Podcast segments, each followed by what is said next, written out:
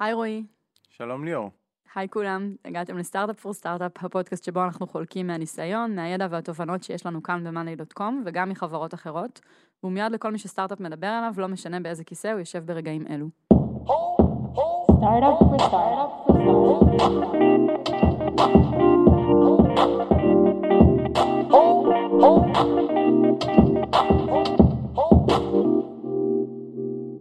אז היום נדבר על attribution, אה, שבמשפט אחד זאת היכולת שלנו להבין לאיזה ערוץ ולאיזה פרסומת אנחנו רוצים לשייך את המשתמש, את הלקוח שהגיע אלינו, אה, וככה בעצם להבין מה עובד לנו ומה לא.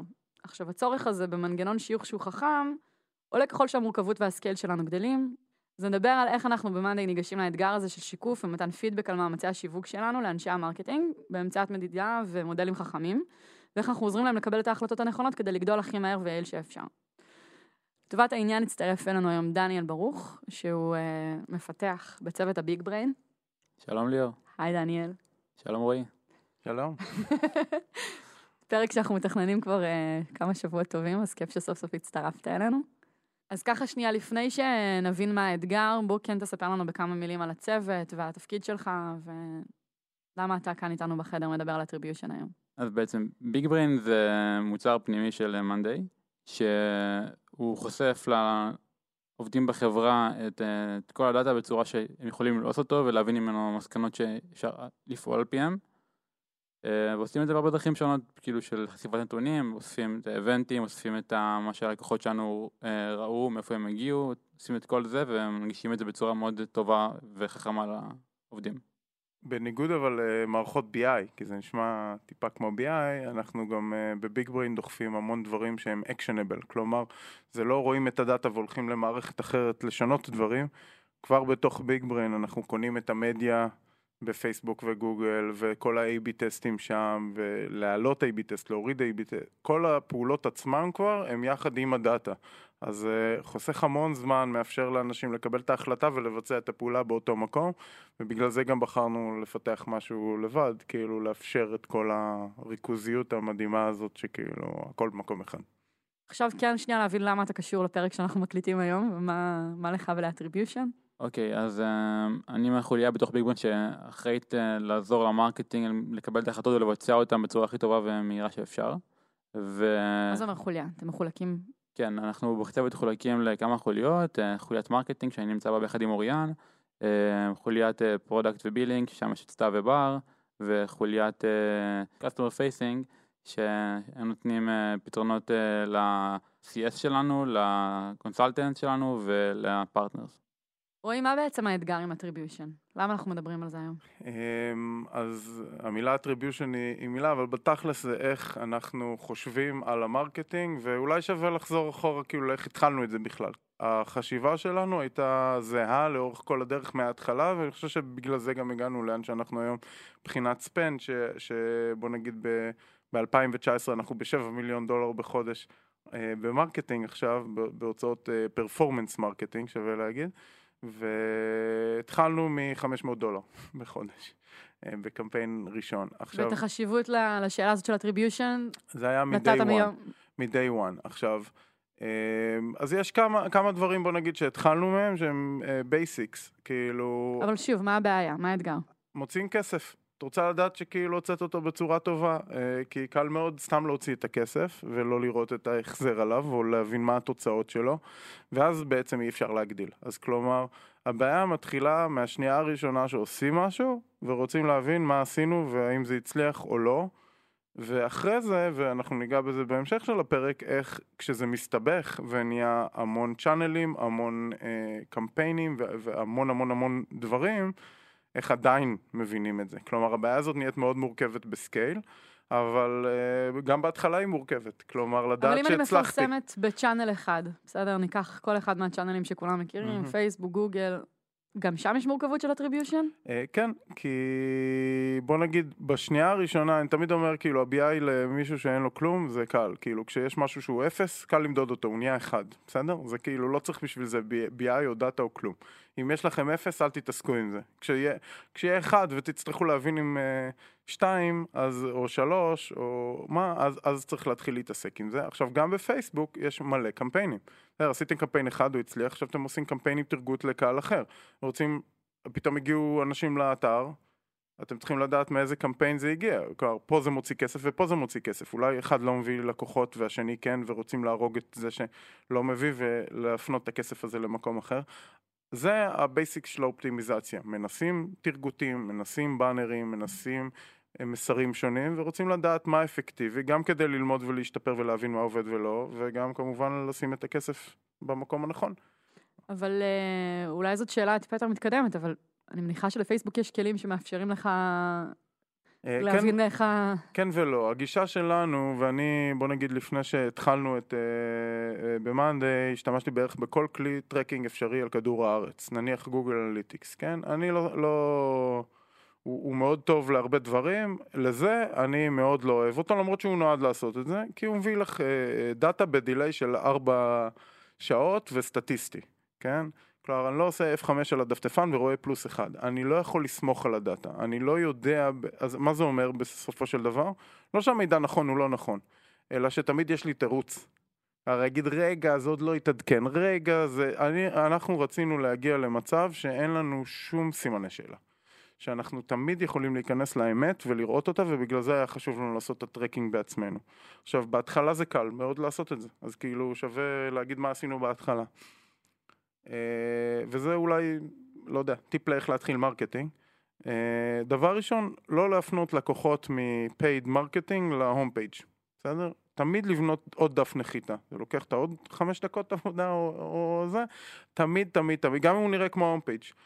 אה, למה? כדי שהוא יוכל לקבל את האבולוציה משל עצמו, בסדר? כלומר, מה זה אומר? ה home page זה הדף נחיתה של הדומיין, בסדר? ודף נחיתה הוא דף נפרד.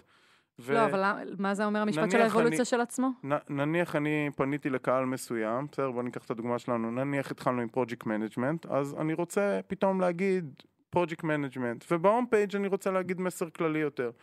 עכשיו, רצוי שהם יהיו בדפים נפרדים, שאני אוכל שכל אחד, שה project management אני אוכל לשים שם את הדברים של project management ו- ודברים כאלה, ובהום פייג' אני לא אעשה את זה. עכשיו אתה מדבר ברמת המסרים, אבל איך זה חוזר ל tracking? אז אה, בסדר, זה גם המסרים והאבולוציה, וגם למה אתה מתכוון כשאתה אומר אבולוציה? אבולוציה זה שכל הזמן משפרים דברים, כן? כלומר, התחלנו מסר אחד לקהל מסוים, נניח תרגטנו אה, אה, מישהו שעשה לייק לדף של מתחרה, בסדר? כאילו, יש להם הרבה לייקים.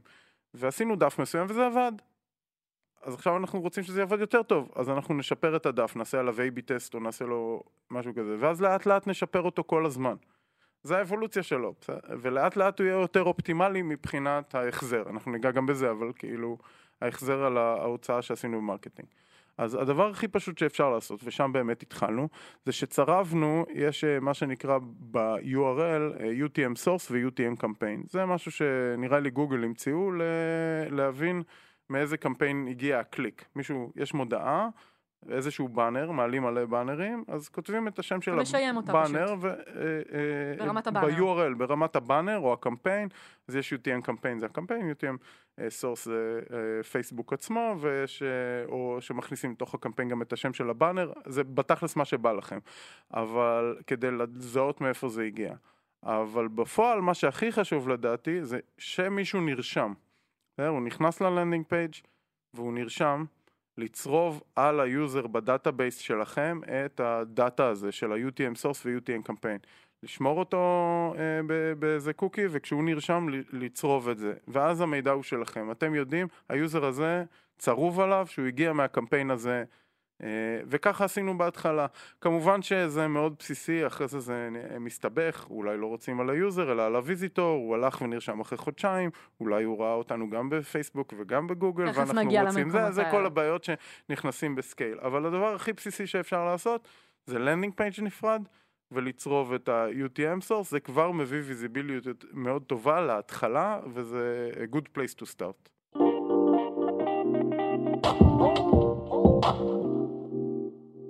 מה בעצם החשיבות של attribution בנקודת זמן שבה אנחנו נמצאים היום?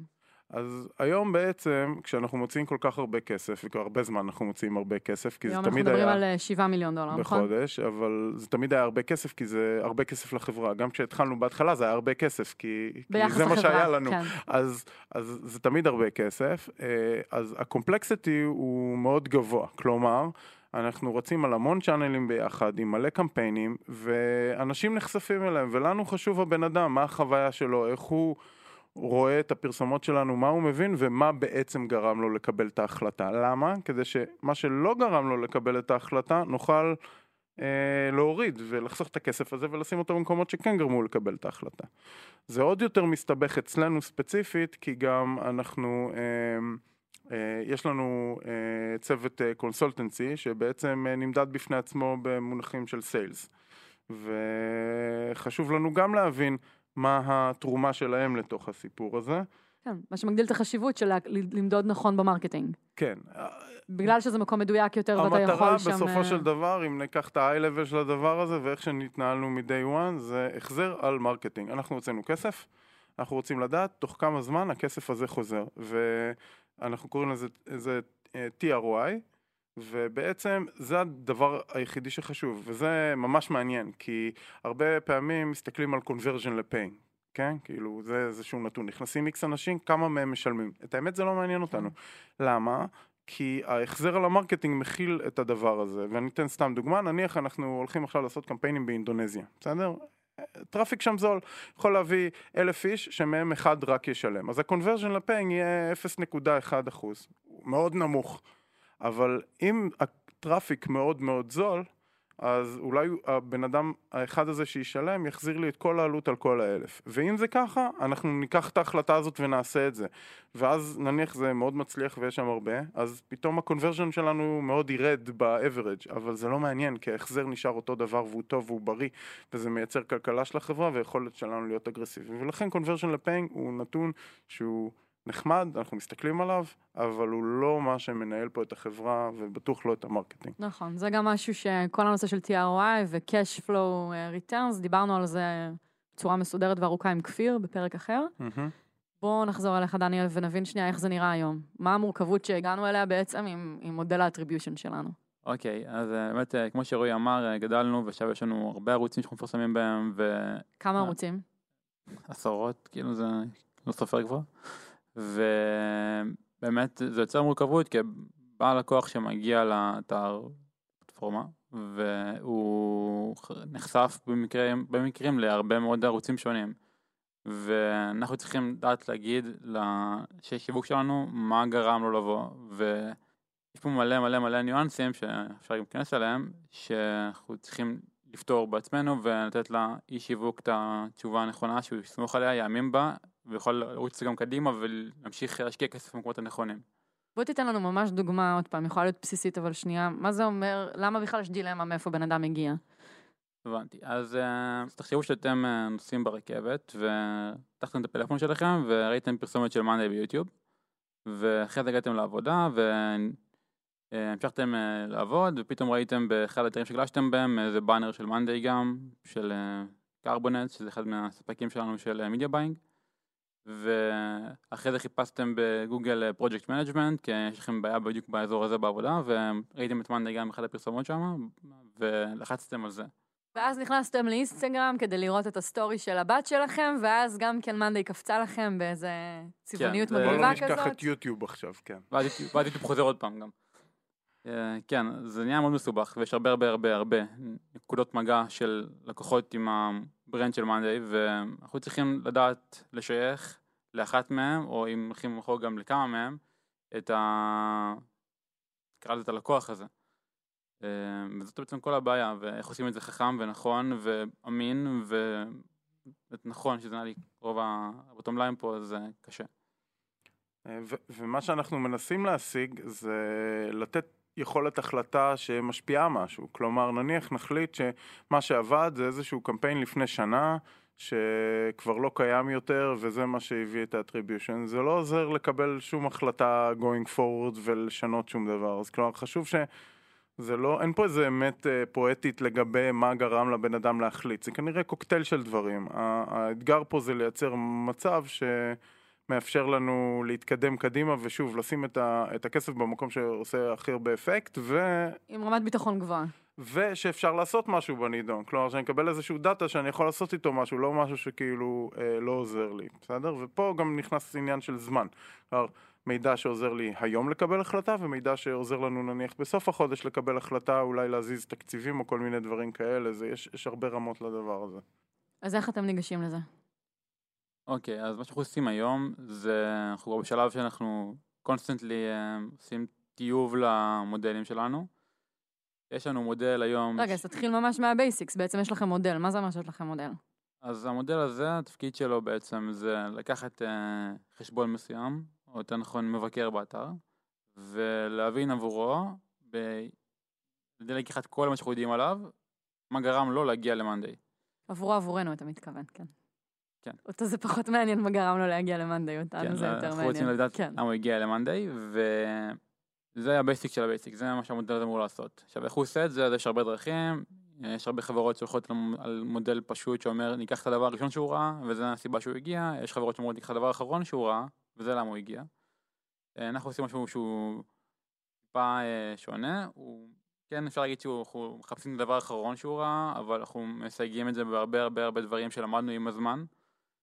לדוגמה, אם בן אדם מגיע מחיפוש בגוגל של monday.com, כנראה שהוא לא, כאילו, הכיר את ה brand שלנו מהאוויר הריק, למרות שעכשיו כבר אנחנו מתחילים לעשות אה, awareness וכל מיני קמפיינים בניו יורק שלטיים, אז אה, זה כן קורה יותר, ומסבך את ה-attribution. כן. אבל לפני הקמפיין ה offline שלנו, אז אתה אומר שאם מישהו מחפש בגוגל monday.com, זה סימן שכנראה הוא ראה את זה במקום אחר, וככה ה brand נכנס לו לראש. בדיוק.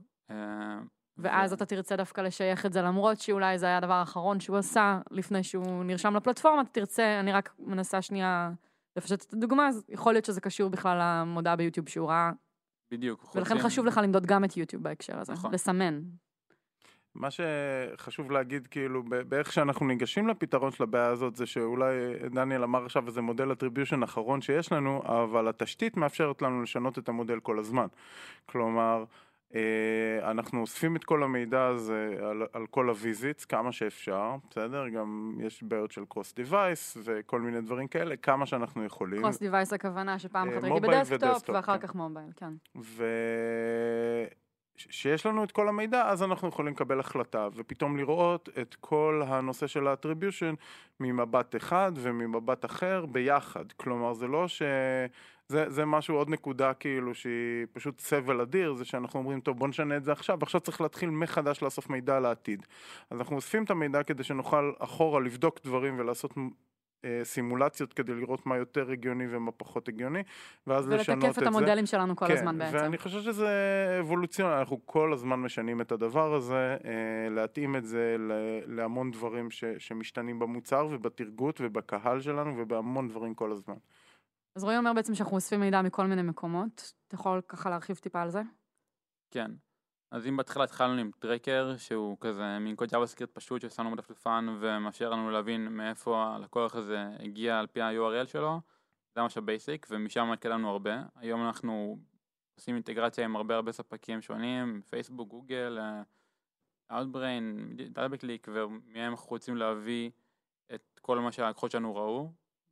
בשפה פשוטה מה שעושים זה שמים משהו שנקרא פיקסל על ה... באתר שלנו, ופיקסל זה שייך בעצם לספקים החיצוניים האלה, וככה הם יודעים לדעת כשבן אדם הגיע לאתר שהוא הגיע, והם מספרים לנו בדיעבד, דרך כלל יום אחרי, שבן אדם הזה ראה פרסומת שלהם שמה ושמה ושמה, וככה אנחנו בעצם עושים הרבה הרבה יותר פיסות של מידע לאנשים שמגיעים לאתר, אפילו דברים שלא יכולנו להשיג בדרך אחרת. למה אה, דברים שלא יכולנו להשיג בדרך אחרת? כי זה בסוף מידע שהוא שייך ונמצא אצל הפאבלישרים החיצוניים, אצל הספקים שלנו, ואין לנו גישה אליו בדרך רגילה, חוץ מדרך הזאתי. מה שאנחנו בעצם מנסים לעשות זה להבין כמה כסף הם עלו לנו. כלומר, אנחנו יודעים אם הוא טוב או לא הלקוח הזה, כלומר, האם קיבלנו ממנו כסף או לא בהקשר הזה. אנחנו רוצים לחבר את זה לקמפיין, וכמה הקמפיין הזה עלה, או כמה הדבר הזה עלה, זה מה שאנחנו נכנסים אליהם ומקבלים את המידע הזה ומפזרים אותו. כל אחד עובד אחרת, כל אחד מהספקים האלה, יש דברים שהם יותר אה, יוריסטים, כלומר אנחנו עושים איזשהו שקלול מסוים, זה לא ממש מדויק פר בן אדם, ויש דברים שאנחנו יכולים להשיג רזולוציה יותר גבוהה, אבל בסוף אנחנו רוצים להגיד, ה-ultimate goal, וזה לא נגיע אליו אף פעם כנראה, אה, זה להגיד כמה סנטים או דולרים עלה הבן אדם הזה כדי שהוא יגיע לאתר. מתוך כל פיסות הפאזל שהרכבנו. מתוך, כן, זה ה-ultimate goal. כמה כסף הוא עלה מכל צ'אנל, באיזה זמן. וכלומר, אז לא רק מתי הוא נגע בנו, אלא כמה כסף כל נגיעה כזאת עלתה. ואז יש לנו את כל המידע לבוא ולייצר אה, איזה החלטה שלא נוכל שהיא אינטליגנטית. אגב, attribution זה משהו שהוא אבסולוטי ודיכוטומי, כלומר, אתה נגיד מחליט שאתה צובע את ה user הזה ביוטיוב, אז עכשיו, רק לשם ההבנה, כל הכסף, אנחנו מחליטים ש- ש- ששייך לקמפיין של יוטיוב, או שאתה מפזר, יש משקולות שונות לקמפיינים? אז נקודה ממש חשובה, והיום אנחנו עושים את זה בצורה אה, אחד לאחד, ומשתמש תמיד יהיה משוייך לערוץ אחד ופרסומת אחת, למרות שבפועל זה לא המצב, ואנחנו יודעים את זה. אה, והתחלנו בצורה של, בצורה הזאת, ועדיין לא הגענו למקום שאנחנו עושים מה שנקרא Touch Attribution, שזה בעצם היכולת להגיד שהלקוח הגיע מכמה נקודות מגע שונות, אם זה יוטיוב ופייסבוק וגוגל ביחד, ולחלק את זה בצורה שווה או עם משקלים, ומשהו ש... עדיין לא עושים בצורה שוטפת, אנחנו כן אבל עושים את זה בצורה אה, אד-הוקית כזאת, פעם בכמה חודשים, בשביל לבדוק את עצמנו. זה מודלים שהם יותר אה, מורכבים ומערבים אה, כל מיני אלגוריתמים של Machine Learning, ואני לא אעשה פה name dropping עכשיו, אבל...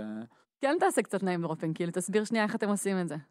אוקיי, אז ביחד עם ה data scientist אתה יודע, כולם מדברים על דאטה, ופתאום אתה מספר שאתה עושה משהו עם הדאטה אז זה לגיטימי לעשות פה name dropping. סבבה. אז אה, אחרי שלקחנו את כל מה שיש לנו, את כל המידע שיש לנו, אנחנו זורקים אותו למין אלגוריתם מאוד גדול ומפחיד, שבעזרת ה data scientist שלנו אנחנו מצליחים להבין איזה שרשראות של אה, נקודות מגע עם הקמפיינים שלנו גרמו לבן אדם להתקנברט ללקוח משלם. כ pattern? כאילו איזה שרשראות כן, מייצרים, מסוימות? בעצם עוברים לכל הפאת'ים האפשריים, אה, טיפה עושים ייחודיים לכל מיני דברים שחוזרים על עצמם, אבל הרעיון זה לראות את כל השרשרות שקיימות, ואיך שהדבר הזה מתחלק לקלעים, הוא מוריד נקודה מהשרשרת ורואה מה קרה אם היא לא הייתה קיימת. ואז ככה אפשר להתחיל להבין את המשקל של כל נקודה בשרשרת, ולדעת, אוקיי, אם מורידים את אה, יוטיוב מהשרשרת הזאת, אז אנחנו פשוט מעלימים אותה, וכל מי שהגיע בגלל, מהשרשרת הזאת, הוא רלוונטי מאוד ליוטיוב, וכל שאר הדברים פחות רלוונטיים אליו. זה ממש כזה בפשטות. אה, זה מודל מורכב שעשינו, ובפועל אנחנו אה, בודקים את המודל המורכב מול הפשוט, והגענו לזה שזה לא עזר לנו הרבה יותר מדי ללכת למודל מורכב, והפשוט הוא זה שאמרנו זה רק יוטיוב, או זה רק אינסטגרם, כי הדלתא שקיבלנו ביכולת קבלת החלטות לא. לא הייתה שווה את זה. כן. אז, אז כלומר, זה שזה יכול להיות מאוד מאוד מורכב זה נחמד, אבל בסוף אנחנו מנסים. להיות אופרטיביים, כן. כן. ו, אה, ו, ו, אז, אז זה שהתחלנו, היינו גם, אני חושב, מה היינו? first click המון המון המון זמן. כלומר, מי שהראשון נגעת, נסעת, אפילו אחרי הרבה זמן, זה גם עבר, עבד המון זמן, כי בהתחלה לא כולם מודעים אלינו. אין user ש... אה, בוא נגיד, זה לפחות נכון לשוק שלנו, שאם אנחנו עושים פרסומת בגוגל ובפייסבוק, זה probably לא יהיה אותו בן אדם. אין הרבה חפיפות ביניהם, כי השוק גדול ואנחנו לא משנה, לא עושים הרבה. לא עושים אה, הרבה ביחס למה. כלומר, אם את ראית אותנו בפייסבוק, כנראה שרק שם ראית אותנו, ואם ראית אותנו בגוגל, כנראה שרק שם ראית אותנו. למה? כי השוק שלנו הוא מאוד מאוד גדול. לשווקים קטנים, שיש לך מעט מאוד אנשים, כנראה שהבעיה הזאת תקרה גם בסקייל נמוך יותר.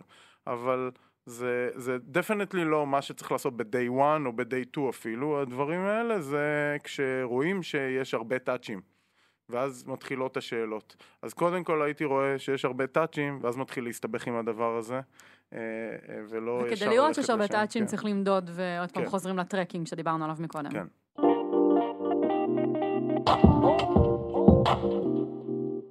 איך אנחנו עושים tracking ביוטיוב? ואני אסביר שנייה למה אני מתעכבת ספציפית על יוטיוב.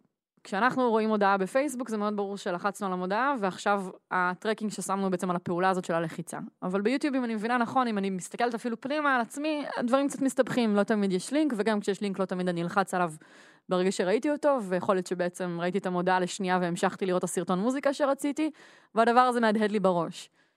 מה, איך אתם מתמודדים עם הדבר הזה? איך אנחנו מתמודדים עם הדבר הזה? אז מה שאנחנו בעצם עושים פה, וזו נקודה סופר חשובה, כי בסוף אנחנו יודעים היום להגיד שרוב הטראפיק האיכותי שלנו מיוטיוב מגיע בדיוק מאנשים שראו ולא לחצו, ומי שלחץ לרוב פחות רלוונטי. אנחנו בכלל נותנים להם את האפשרות ללחוץ? זאת אומרת, זה כן קורה? זה קורה וזה קיים, ויש call to action אפילו, אבל בסוף מה שאנחנו למדנו וראינו, אז מי שמגיע מצפייה ולא לחיצה, הוא בסוף הרבה יותר איכותי והרבה יותר מתקנברט, ובסוף גם הרבה יותר זה משתלם. 1 ל-9, כאילו, משהו לא זה- הגיוני. זה יחס אה, מאוד גבוה ללא קליק. אוקיי, אז כבר קפצת לסוף על האיכות, אבל איך אתה יודע שזה איכותי? איך אתה אז כן מודדים את זה בעצם? אז מה שאנחנו עושים, אנחנו עושים אינטגרציה עם אחד הספקים של גוגל, שקוראים להם DoubleClick. הם כבר קנו אותם. כבר קנו אותם. כן, זה כן, גוגל. ובעזרתם אנחנו מקבלים כל אה, לילה את הנתונים על כל מי שרק צפה ולא לאו דווקא לחץ על פרסומת אה, של מאנדיי, אבל זה מחייב אותנו בזה שהבן אדם הזה גם מתישהו נכנס למאנדיי. כלומר, אם את רק ראית פרסומת ואף פעם לא הגעת למאנדיי, אנחנו לא נדע להגיד שאת ראית את הפרסומת. זה גם פחות מעניין אותנו בשלב הזה. נכון. אה, ובעזרת הנתונים שאנחנו מקבלים כל לילה, אנחנו יכולים להגיד שבדיעבד אפילו לרוב זה קורה, ככל שאם תסתכלי עכשיו על הנתונים של יוטיוב, אז תראי שיש שם הרבה מאוד קליקים, ואין כמעט מה שנקרא אימפרשנים, שזה צפיות. ואם תסתכלי בעוד שבוע, תראי שאותו קמפיין באותו יום, של אתמול כביכול, הוא הרבה יותר חזק בחברת האימפרשנים, ופתאום נוספו לשם והוא גדל משמעותית. אז איך זה קורה? אז אנחנו מורידים כל לילה את הדוח הזה, ובעזרת המודל attribution אנחנו יודעים להגיד שה impression שקרה, הוא קרה אה, ממש קרוב לזמן הכניסה לפלטפורמה, ואנחנו החלטנו, החלטה מודעת, אחרי שראינו את ההתנהגות בעולם, שאנחנו רוצים לתת יותר כוח לאימפרשנים כאלה שקרובים להרשמה. מה זה כי- קרובים? איך אה, הגדרנו קרובים? גם קרובים כזה, אפשר להגיד אה, בצורה די... אה, לא. לא, הכוונה היא בשעות, כאילו מה זה קרוב? הגדרנו ימים, חודשים? בתור אה, 24 שעות מזמן ההרשמה. מספר שבחרנו אחרי שקצת ראינו מה, מה קורה. וזה בעצם אפשר ליוטיוב כערוץ לצמוח בצורה הרבה יותר אמיתית וטובה, ולתת לנו לשים את הכסף במקומות הנכונים. והרבה מקומות לא מצליחים להגיע בכלל להשקיע ביוטיוב, ואנחנו כאילו זה אחד הערוצים הכי מרכזיים שלנו. אני חושב שזו נקודה שנגעת בה שהיא מאוד מהותית, כאילו עשית הפרדה בין פייסבוק ליוטיוב, אבל הקטע המצחיק שגם לפייסבוק יש המון כזה. כלומר, שאנשים, אה, אנחנו עושים פרסומת שהיא direct response ומודדים את הקליקים, אבל יש המון אנשים שזה נכנס להם לראש. כאימפרשן. כ-Monday, נהדר, פעם הבאה שאני צריך משהו. ופייסבוק נניח בתור דוגמה, זה גם האפקט הזה שם הוא מאוד מאוד חזק ואי אפשר למדוד אותו. כלומר, עם כל הנושאים של הפרייבסי והכל, ו- וגם ב- ביוטיוב זה מאוד בעייתי, אנחנו לא יכולים לקבל את המידע הזה. אה, וזה נניח, אה, אה, בוא נגיד, אנחנו התחלנו רק בפייסבוק, כשהתחלנו. ואז היה קל לראות את זה, ממש התחלנו מדינה חדשה, וראינו שהקליקים, כאילו מה שאנחנו עושים לו tracking, הוא ב volume מסוים, ויש עוד אה, מה שקראנו לו halo מאוד גבוהה, שעוקבת אחרי הדבר הזה. עכשיו, ידענו, לזה התחלנו את ה-halo effect, כן, כן. halo effect, זה בטורקיה, כן, נניח התחלנו, לא היה לנו כלום.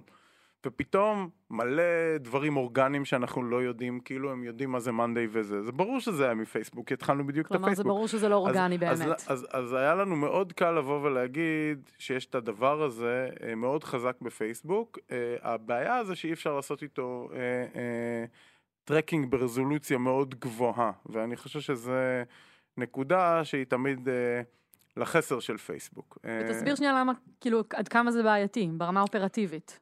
כי מה אנחנו נדרשים לעשות עם השבעה מיליון דולר אנשים האלה? מקבלים החלטות עם data.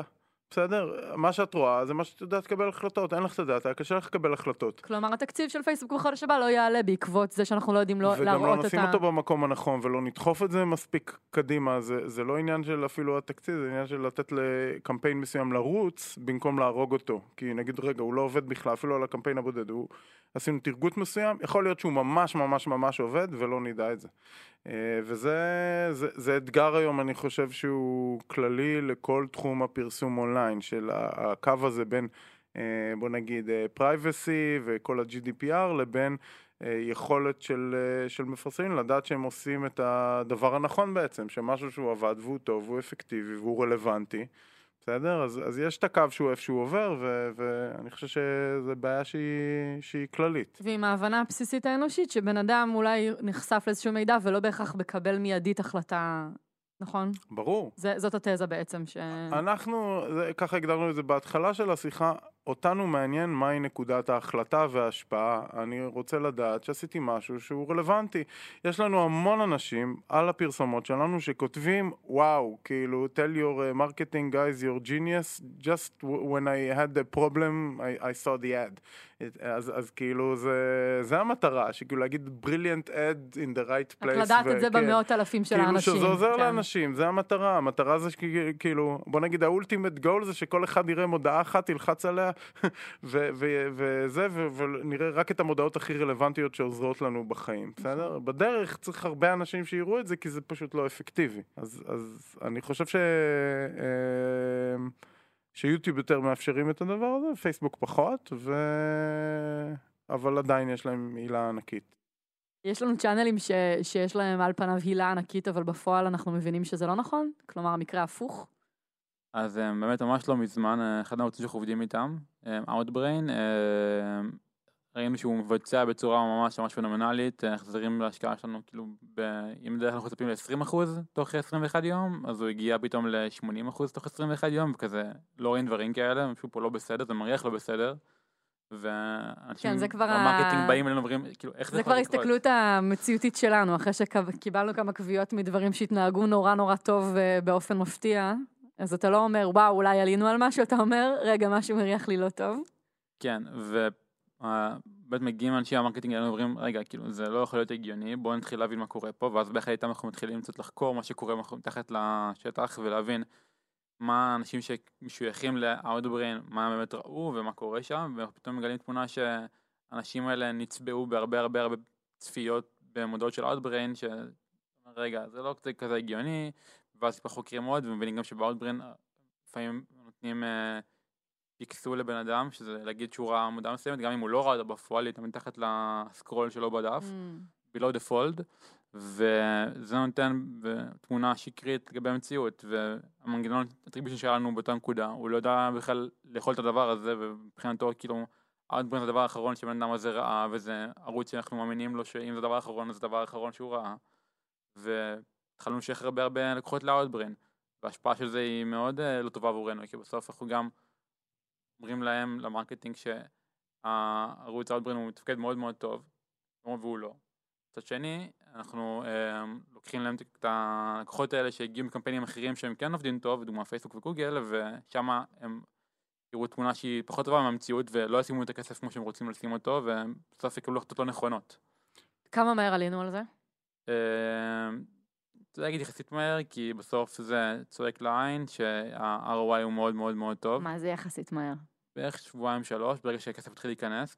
עד שאנשים לא מתקנברטים למשלמים, אתה לא יודע בדיוק מה הולך לקרות. ובגלל שיש לנו trial של שבועיים, אז יש את ה lag הזה של כן. מהרגע שהם ראו מודעה עד הרגע שהם התחילו לשלם. חשוב להגיד פה שכל channel וההתנהגות שלו, כלומר אין, אין פה משהו שהוא בהכרח אה, טוב או לא טוב ב-Outbrain, זה ככה הם מתנהגים. אה, יש להם אה, מלא מודעות קטנות ב, בסוף של כתבות בערוצים שכולם הולכים אליהם, לא יודע, CNN, ynet, או לא יודע, אולי אני טועה ב... ב בשיוך, אבל- כן. בשיוך, אבל אולי הם לקוחות של בסוף טאבולה. של מודעות, כן, זהו. והעניין הוא ש, שככה זה עובד שם, וזה הגיוני, רק צריך להבין את זה. כלומר, אה, כל מדיה ואיך שהיא, איך שאנשים מגיבים אליה.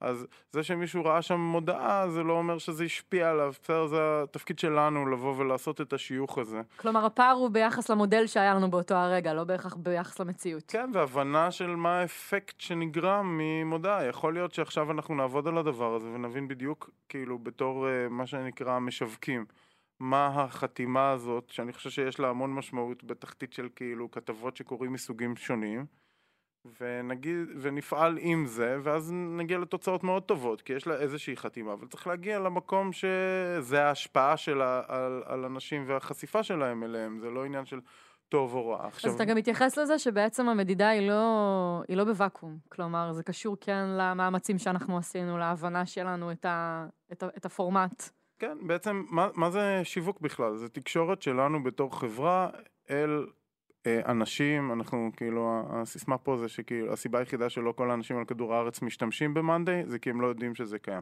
אז זה הדרך שלנו, זה שהם ידעו שזה קיים, ויבינו את הערך, ויבינו איפה זה מתחבר להם לחיים, זה, זה התפקיד של ה marketing.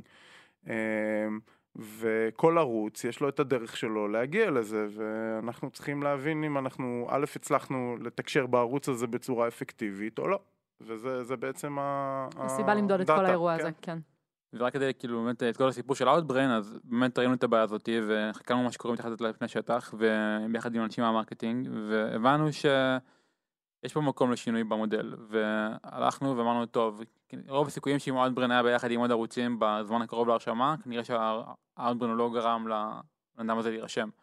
אבל אם Outbrain היה לבד קרוב להרשמה, שזה גרם סדר גודל של שבוע לפני ההרשמה, אז כנראה שהוא כן גרם לדבר הזה לקרות, ואחרי שעשינו שינוי במודל ראינו שבעצם השוואה למודל הקיים, Outbrain עדיין מתפקד מאוד מאוד טוב, באחוזים של ROI שלדעתי גם אז היו מעל 20%, בערך 30%, וזה אומר שהוא היחיד שבן אדם הזה ראה. וככה בעצם גם החזרנו את ה-ROI האבוד למקומות הנכונים, וגם נתנו ל marketing שלנו לה- להאמין בערוץ הזה ולהמשיך להשקיע בו ולגדול בו, וכאילו מאז הוא גדל.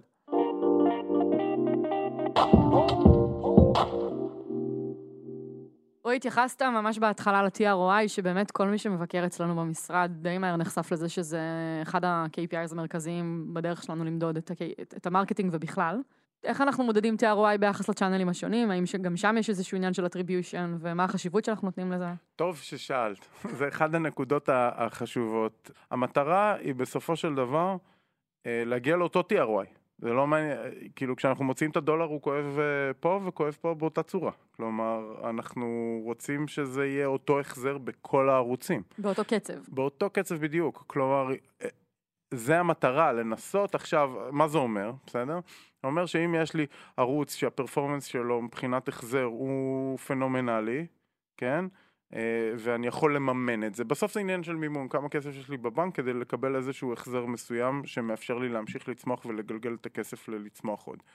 אז אם יש ערוץ שהוא עם החזר מאוד מהיר, אז אנחנו נרצה לשים פה יותר כסף כדי שההחזר שלו יהפוך להיות פחות מהיר. זה לא אינטואיטיבי כל כך, אבל למה? כדי להרוויח scale, בסדר? לעומת זאת, אם יש אה, ערוץ ש, אה, שההחזר בו הוא, הוא לא טוב, בדרך. כלל, מבחינת ה... נניח אה, אה, דניאל הזכיר פה אחרי 21 יום מה ההחזר, אנחנו כרגע מודדים את זה ככה כדי לקבל תשובה מהירה, לא ל-100% אלא אחרי 21 יום לבדוק את ה... כן, איפה וזה אנחנו ה- נמצאים. זאת הנקודה שבה אנחנו משווים בין כל כן. הצ'אנלים. אה, כאילו יש המון חברות אה, שאומרות אנחנו צריכים לקבל החזר תוך שנה, יש, אנחנו באזור ה-7-8 חודשים. אז אנחנו רוצים לוודא שכולם נמצאים ב-7-8 חודשים החזר, כלומר הוצאנו כסף, אנחנו רואים 100% מהכסף הזה חזרה אחרי 7-8 חודשים. וכן, לא משנה באיזה צ'אנל פרסמנו או באיזה קמפיין. זה האוטופיה, כן? בפועל זה קשה מאוד להגיע לשם, אבל אני חושב שזה עוד אחת מהמשימות שלנו בביג בריין, כן לנסות להגיע לשם. עכשיו למה? כי... אם אנחנו יכולים לקחת כסף מקמפיין, אפילו זה לא חייב להיות בין ערוצים, זה יכול להיות בתוך אותו ערוץ בין קמפיינים שונים. להוריד טיפה כסף מקמפיין מסוים, בסדר? גורם לביצועים שלו בדרך כלל להיות יותר טובים. כלומר, קהל יותר קטן, מתורגת וספציפי, עובד יותר טוב, וככל שמרחיבים זה עובד פחות טוב. מהמם. בסדר? זה נכון לקיוורדס בגוגל, זה נכון אה, אה, לפייסבוק, לכמה עושים שעושים אקזושן לקהל מסוים, זה נכון להרבה צ'אנלים. מהמם. אז להוריד תקציב בדרך כלל, לא תמיד, וזה בטוח לא מתנהג בצורה מדעית, שהם מורידים וזה עולה, אבל בדרך כלל אם מורידים, הביצועים עולים. אז אנחנו נרצה להוריד את התקציב ממקום שפחות עובד, ולהעביר אותו למקום שיותר עובד. זה יכול להיות בין קמפיינים באותו channel, זה יכול להיות בין channelים, זה יכול להיות... כמובן שאין לנו שום הגבלת תקציב, כלומר כל עוד אנחנו עושים performance בשבעה חודשים, אנחנו נעשה scale ונמשיך לגדול, כי זה פשוט אה, מקיים את עצמו וזה טוב לנו. אה, אז, אז, אה, אז זה אחד הדברים שהכי קשה לעשות, זה מודלים של cross channel attribution ובתוך channel attribution, אבל זה ה ultimate goal. מה זה דורש מכם, דניאל, ברמת ה Big Brain? אה, ובעבודה שלך מול ה marketing? אוקיי, אז מה שאנחנו עושים זה לעבוד ביחד עם אה, אנשים מה marketing, לדוגמה אני עובד עם גיל שאחראי על ה media buying ב marketing ומה שהערוצים שהוא עובד עליהם הם בדרך כלל ערוצים שהם יותר אה, לוקח להם זמן להגיע ל-ROI אה, הטוב הזה. מה שכן, כאילו אם מסתכלים עליהם תוך שבוע, שלוש שבועות מההתחלה של ה-cohort, שזה בעצם מתי שה-account נרשם, אז נראה שה-ROI הוא לא כזה טוב. אם נסתכל שבוע אחרי זה, פתאום ה-ROI נהיה מאוד טוב.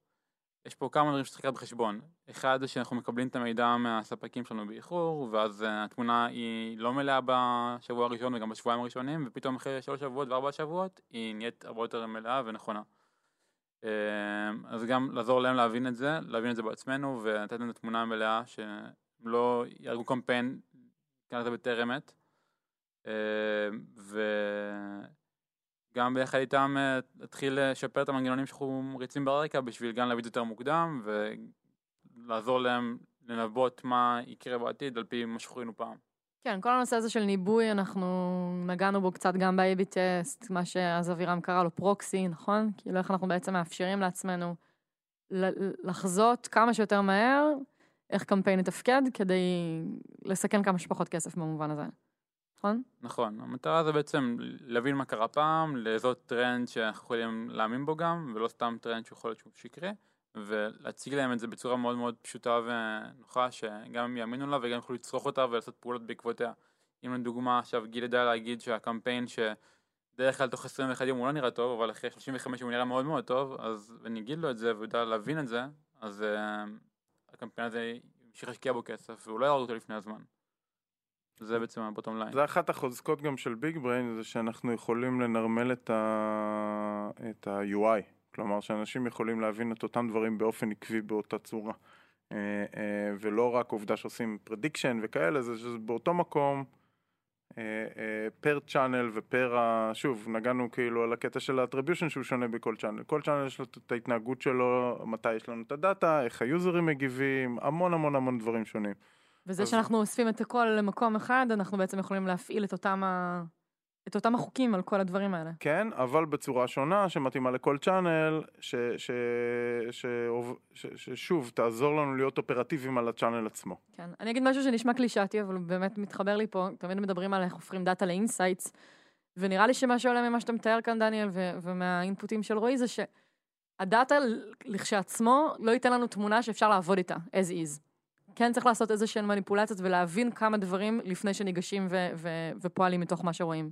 נכון, יש הרים של דאטה, כאילו על כל בן אדם שמגיע יש לנו לפעמים עשרות של רשומות של מה הוא ראה לפני זה ואיפה הוא היה ובאיזה עמודים הוא היה ואפילו ברמת, תוך המוצר שלנו הוא רואה אפילו כמה landing page ים, איזה landing page רלוונטי, מה גרם לו ללחוץ על הכפתור.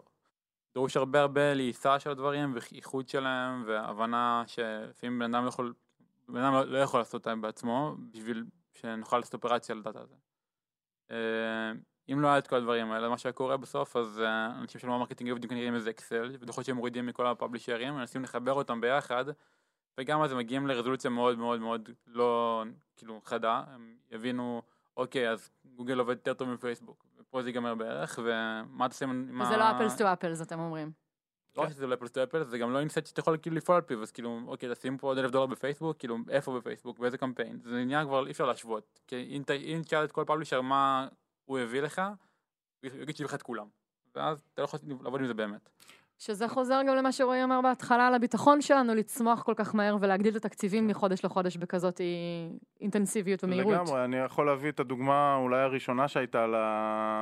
לבעיה הזאתי, זה שהוצאנו דאטה מהצ'אנלים והוצאנו את הדאטה שלנו, חיברנו אותם אה, באקסל ועשינו מה שנקרא pivot table, זה view שעושה אגרגציה. עכשיו הדיפולט של אקסל ל-view הזה הוא average. אה, ואז, כלומר הוא עושה אגרגציה לקמפיין ועושה average. ואז המון אה, אנשים החליטו על ה-average. עכשיו, מה זה אומר שהם החליטו על ה-average? הקמפיין היה טוב, טוב, טוב, טוב, טוב, התחיל להיות ממש לא טוב, לא טוב, הוא לא אפקטיבי, צריך להרוג אותו. אבל ב-average הוא היה עדיין טוב, כי הוא היה טוב מאוד בהתחלה. עכשיו שוב, הם היו פותחים ומסתכלים וכאלה, אבל כל פעם שוכחים את זה, כי ה-UI בעצם מכשיל אותם. כי הוא שם את זה ב-average. עכשיו, אם ננסה לתרגם את הימים האלה לכסף, אה, כל קמפיין הוא יכול להוציא דברים שונים, אבל ב-average, עם הקמפיין שלנו אז, אני חושב, חיו מעט מאוד זמן, איזה אה, שבועיים, כן? זה אומר שאנחנו מבזבזים 25% מהכסף אה, במקום לא טוב. אה, שזה מאוד משמעותי, ואפילו לפעמים יותר, כי הם ממש הצליחו בהתחלה, ואז הם, הם, הם ממש לא הצליחו אחרי זה, זה הרסני. לאיזה מספר אבסולוטי אנחנו מגיעים מכל החישוב הזה? אה, לנזק שנוצר מההסתכלות הזאת על האקסל, אה, קשה למדוד אותו, אבל זה היה באמת 25% מכל התקציב. אז אם הוצאנו מיליון דולר, זה יכול להיות 250 אלף דולר באותו חודש. אבל יותר גרוע מזה אפילו, זה גם לא אפשר לנו לצמוח. כי הסתכלנו על הכל בצורה שהיא פחות פחות טובה. אז לפעמים כשאת רואה דברים שהם יותר טובים, את מוכנה להשקיע בהם אפילו פי שתיים, אז אולי זה עצר לנו את הצמיחה בחצי. ושם אני חושב, בנקודה הזאת, העברנו הרבה מהדברים לביג בריין. זה גם חסך אז, אני זוכר, שעות של עבודה ביום, להוציא את המידע מפה, להוציא אותו מאקסל, לחבר אותו ביחד, אבל זה גם אפשר לנו לתת לכולם תמונה אחידה שהיא על ה-Worst case, ה-Last day בעצם, ולא ה-Average.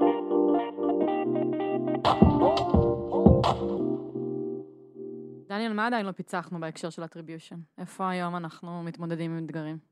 אז יש הרבה אתגרים, וכזה, קצת מזלג, אז אה, יש מה שנקרא multi-touch attribution שדיברנו עליו מקודם, שזה בעצם לשייך בן אדם אחד לכמה פרסומות שונות שהוא ראה ועם משקולות ביניהם, ואנחנו לא, כאילו, אנחנו עדיין בדרך להגיע לשם, ואנחנו לא יודעים גם אם זה הדבר הנכון, את האמת, כרגע, כי אנחנו כרגע כל הזמן עושים את הבדיקה לעצמנו, ולראות שאנחנו בעצם בכיוון הנכון עם המודל הפשוט שלנו יחסית, ואולי אני חושב שבעתיד כן נגיע ל-multi-touch attribution, וזה משהו שהרבה אנשים מדברים עליו, והוא כזה buzzword בתעשייה, אבל גם מאוד קשה לבצע אותו, וממש קשה לפעול על פיו.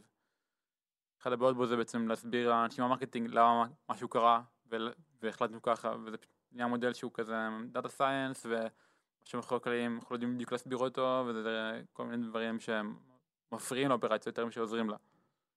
אמ, אז זו בעיה אחת שלנו ובעיה שנייה זה offline marketing שעכשיו אנחנו מתחילים באמת בקמפיינים מאוד מאוד גדולים בניו יורק וסן פרנסיסקו ו... subway, billboards, כן. כן. וזה גורם לאנשים להגיע ואין לנו מידע למה הם הגיעו, הם פשוט נחתו בתוך הפלטפורמה. וזה עוד משהו ש... את השיווק שלנו אנחנו עדיין אין לנו פתרון טוב עבורו. הגיע להבנה שבן אדם הזה הגיע מהבילבורד הזה או, או מהסאבווי הזה, עדיין אנחנו לא יודעים להגיד את זה לגמרי טוב, בצורה טובה.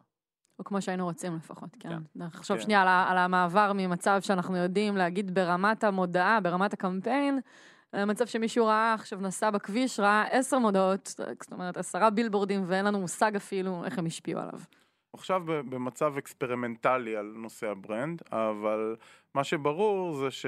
רגע, אמרת את המשפט הזה, שווה שנייה להתעכב על מה זה אומר כשאתה אומר שאנחנו במצב ניסוי. experiment זה אומר שאנחנו פשוט אין לנו מושג מה אנחנו עושים, זה נקרא experiment.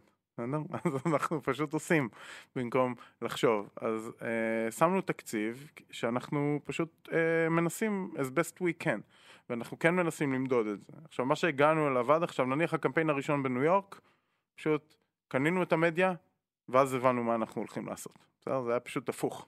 כאילו, בוא נתחיל לעשות את זה, ואז נבין מה עושים. יצא אה, טוב, אבל לעומת הקמפיין השני שעשינו בניו יורק, אה, בוא נגיד, ע- עשינו מדידה של אה, lift בכמות ה-visits באזור. כלומר, כמה יותר אנשים באותו אזור גיאוגרפי, מאוד גדול, בסדר? לא מטורגט, אה, מנהטן פלוס, הגיעו אלינו לאתר. אה, אז הקמפיין הראשון היה X, הקמפיין השני בניו יורק, שהוא אחרי שלמדנו איך לעשות את זה יותר טוב, וזה היה הרבה יותר טוב, זה היה 10X מבחינת האפקט, כן? להגיד מה זה עשה ל-brand awareness, זה הדברים שאנחנו עדיין אה, מגלים איך למדוד אותם. אבל זה לא שאין לנו מדידה, היא פשוט לא החזר על הכסף. זה כאילו כבר לא TROI. זה כמה כסף אנחנו מוכנים בתור חברה לשים על זה שיותר אנשים יכירו אותנו. זה כבר החלטות מסוג שונות, אבל גם שם אנחנו מתעקשים מאוד למדוד את האפקטיביות ב-KPI הזה, בזה שיותר אנשים יכירו.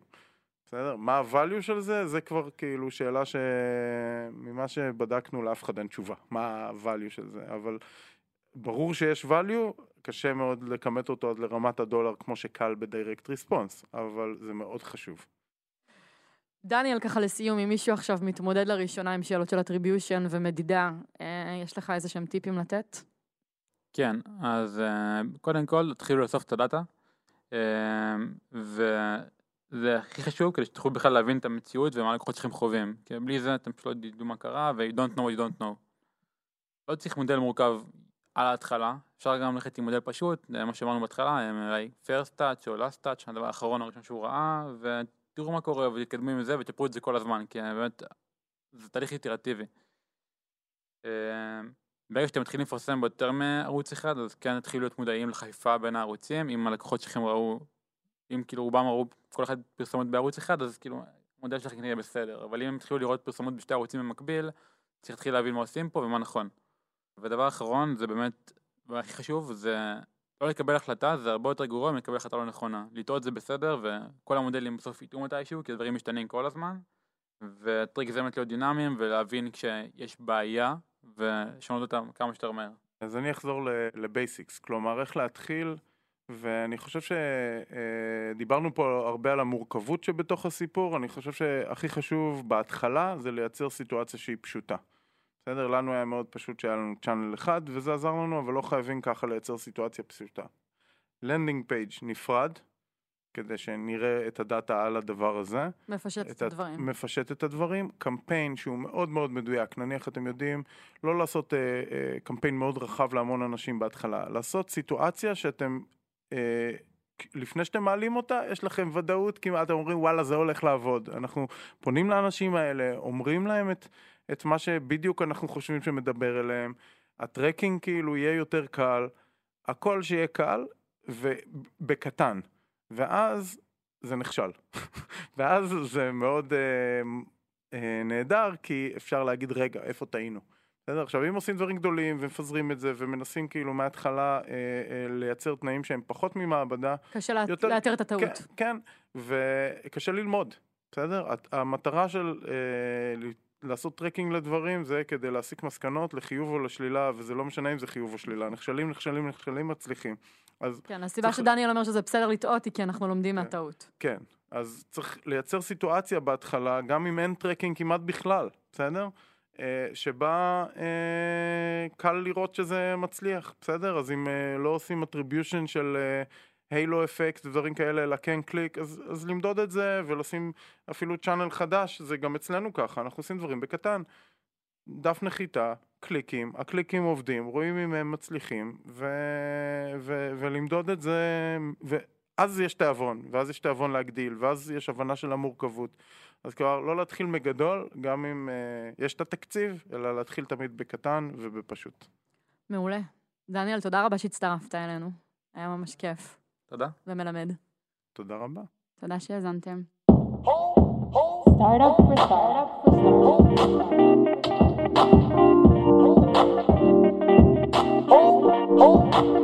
startup.